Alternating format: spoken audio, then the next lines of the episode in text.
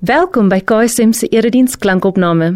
Nadat jy hierdie boodskap geluister het, sal ons dit regtig waardeer as jy die boodskap rate of in Afrikaans gestel beoordeel en deel met ander. Jou terugvoer help ander om saam met ons die Jesuslewe te ontdek, omdat Jesus alles verander. Hier is vandag se boodskap. Hemelse Vader, dankie dat U die goeie Vader is en dat alle goeie dinge van U af is. En vandag Here praat ons oor vrug en ons wil dan sommer hier aan die begin erken as vrug goed is, dan kom dit ook van U af, want alle goeie dinge kom van U af. Ons kan niks doen sonder U nie. Ons kan uit ons eie nie vrug dra nie. Ons kan uit ons eie nie lewe nie.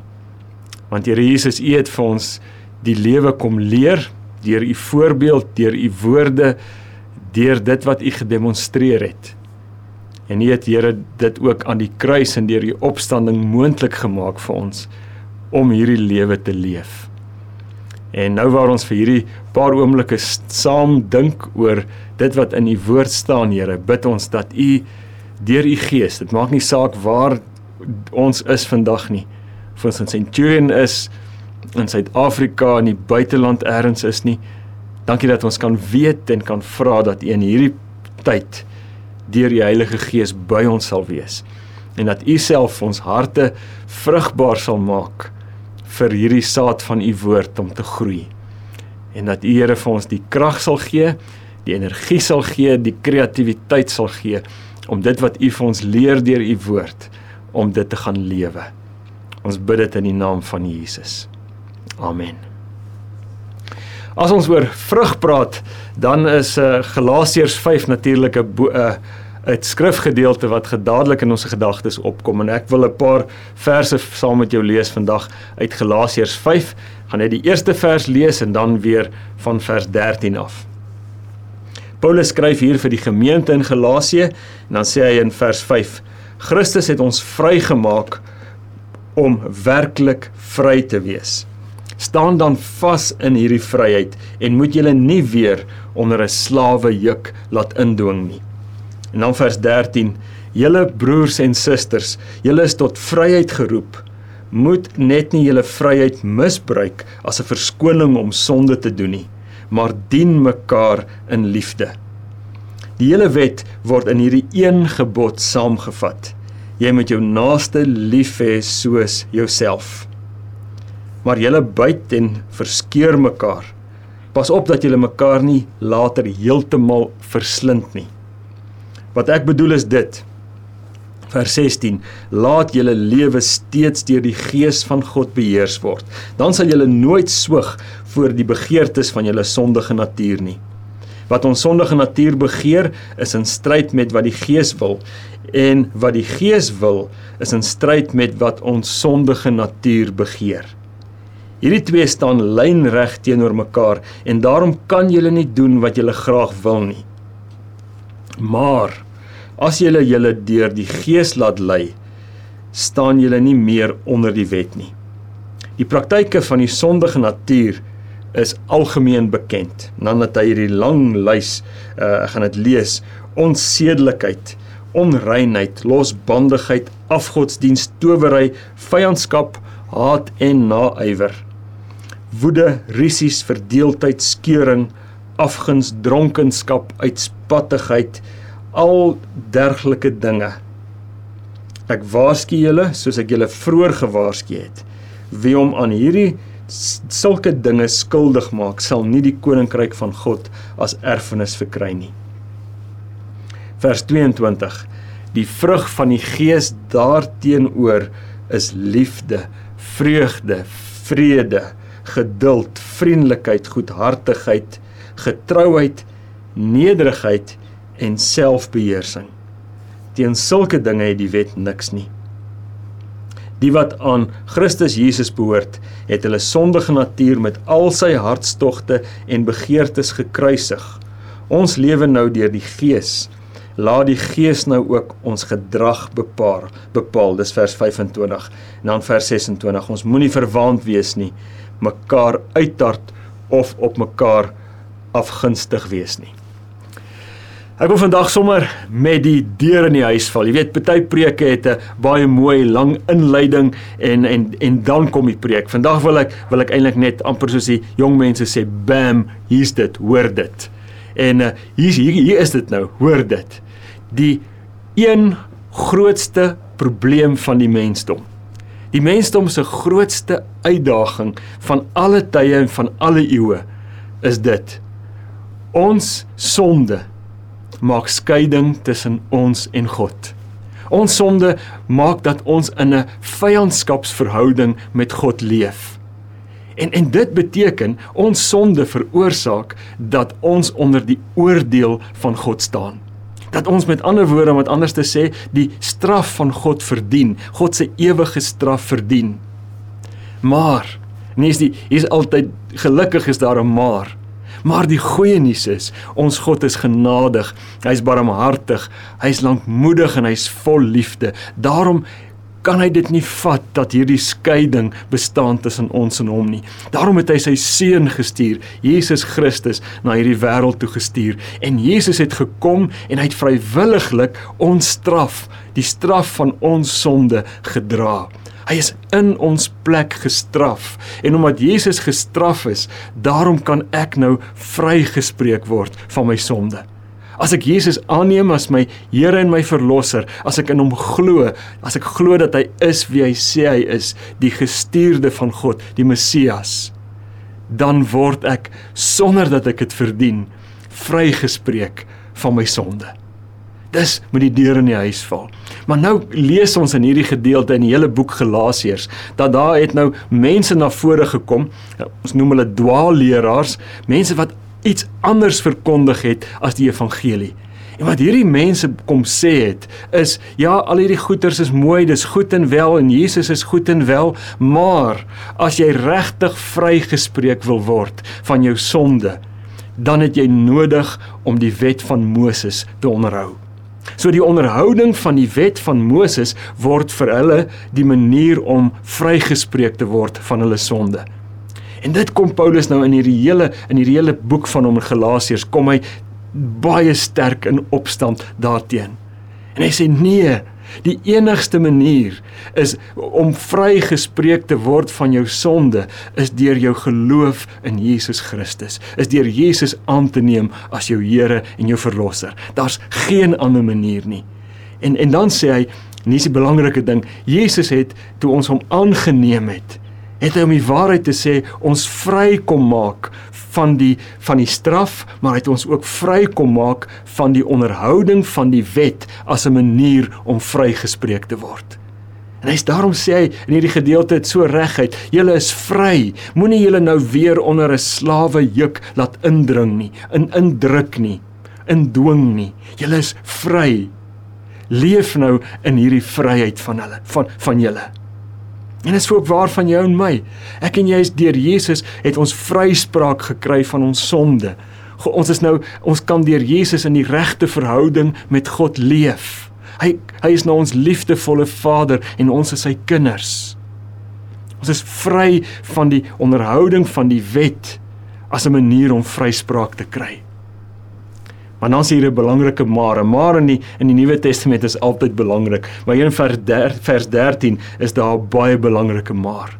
Paulus sê daar, maar julle is nou vry, maar moet nou asseblief nie hierdie vryheid van julle misbruik om sonde te doen nie.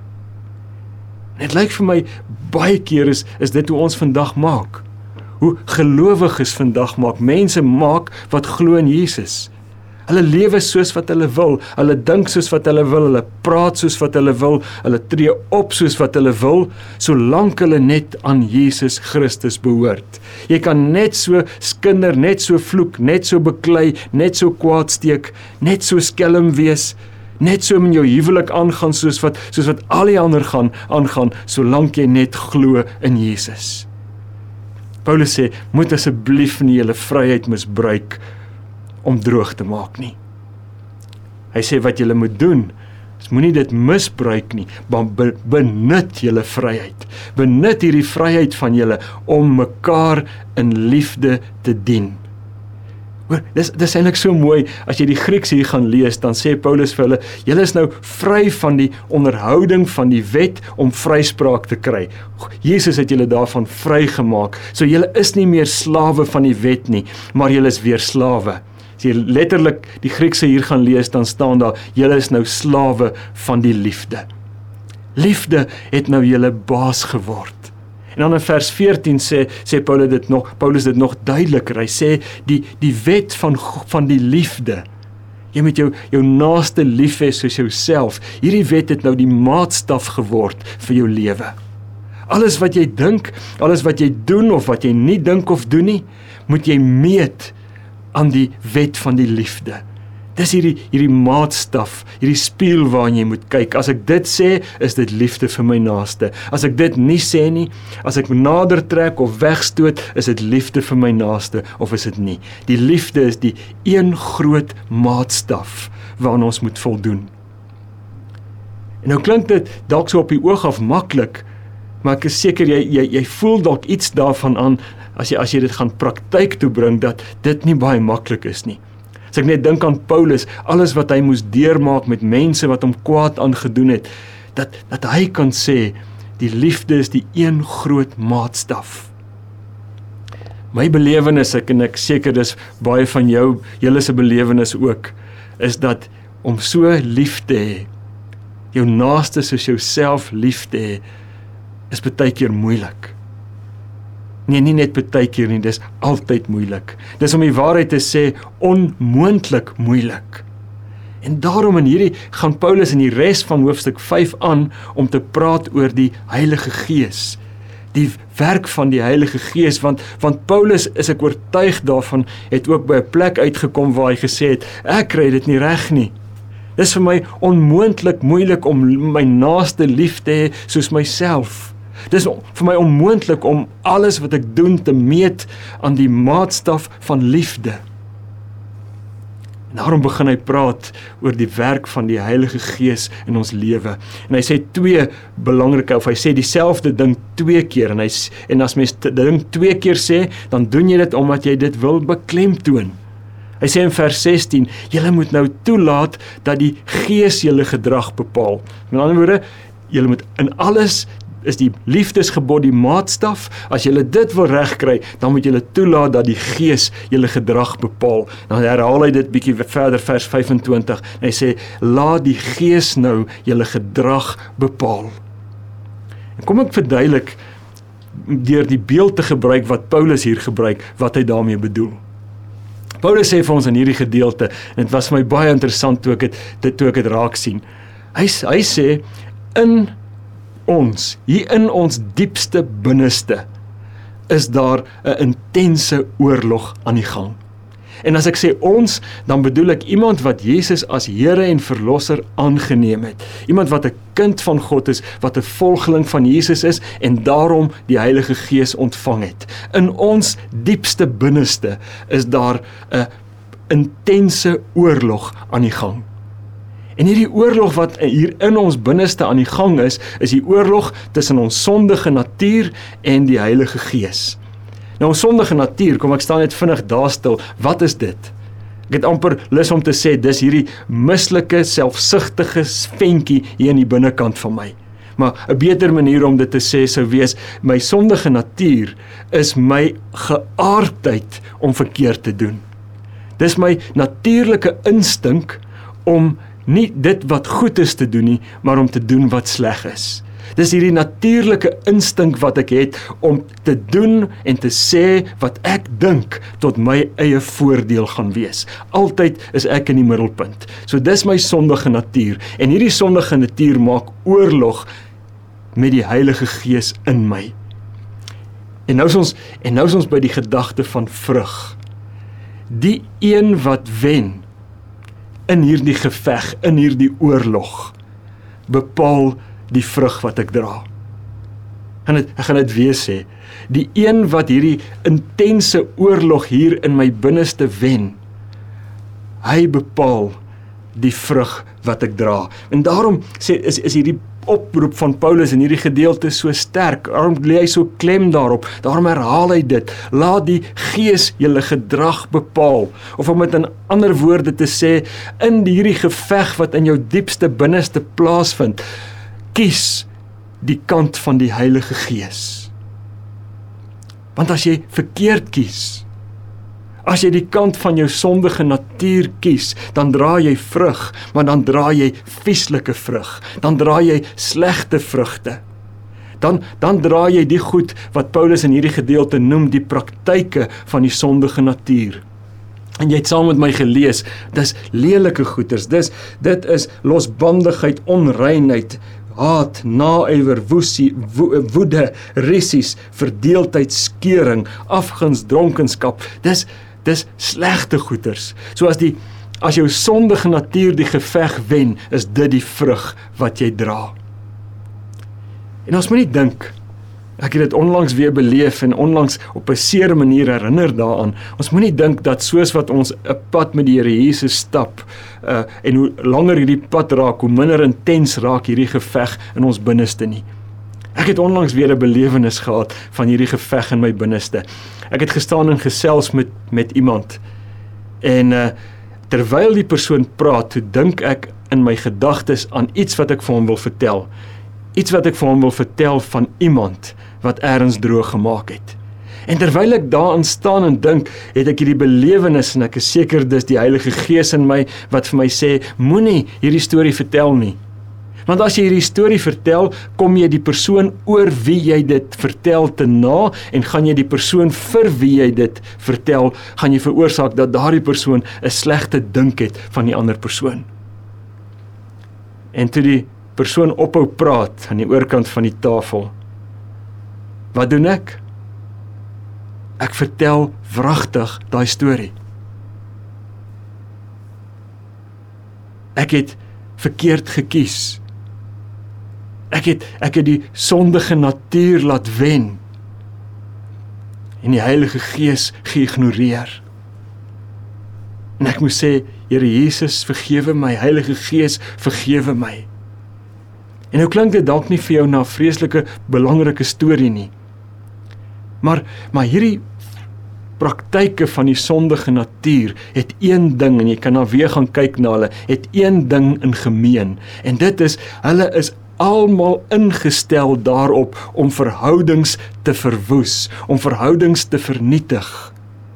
Dis ingestel daarop om verhoudings tussen tussen man en vrou in die huwelik te vernietig, verhoudings tussen vriende te verwoes. Dis ingestel. Hierdie die wat hulle in gemeen het is dat hulle dat hulle reg kry om verhoudings tussen ouers en kinders te verwoes, verhoudings tussen kollegas stikkend en seer en lelik te maak hierdie hierdie praktyke van die sondige natuur het die moontlikheid het die vermoë om verhoudings tussen rasse en bevolkingsgroepe op te voeder. Daarom moet ons reg kies. Want die want die vrug van die gees is anders. As die as die Heilige Gees in my lewe wen, As die Heilige Gees hierdie geveg wen, as die Heilige Gees my gedrag bepaal, dan lewe ek anders. Want dan kom die Heilige Gees en soos wat die sondige natuur sy vrug, vieslike vrug in my dra, kom dra die Heilige Gees sy vrug dan in my lewe. En die vrug van die Heilige Gees lees ons hier vers 22 is liefde, vreugde, vrede, geduld, vriendelikheid, goedhartigheid, getrouheid, nederigheid en selfbeheersing. En nou weer eens wil ek hê jy moet raak sien, dit begin by die liefde en al die ander vloei uit uit die liefde.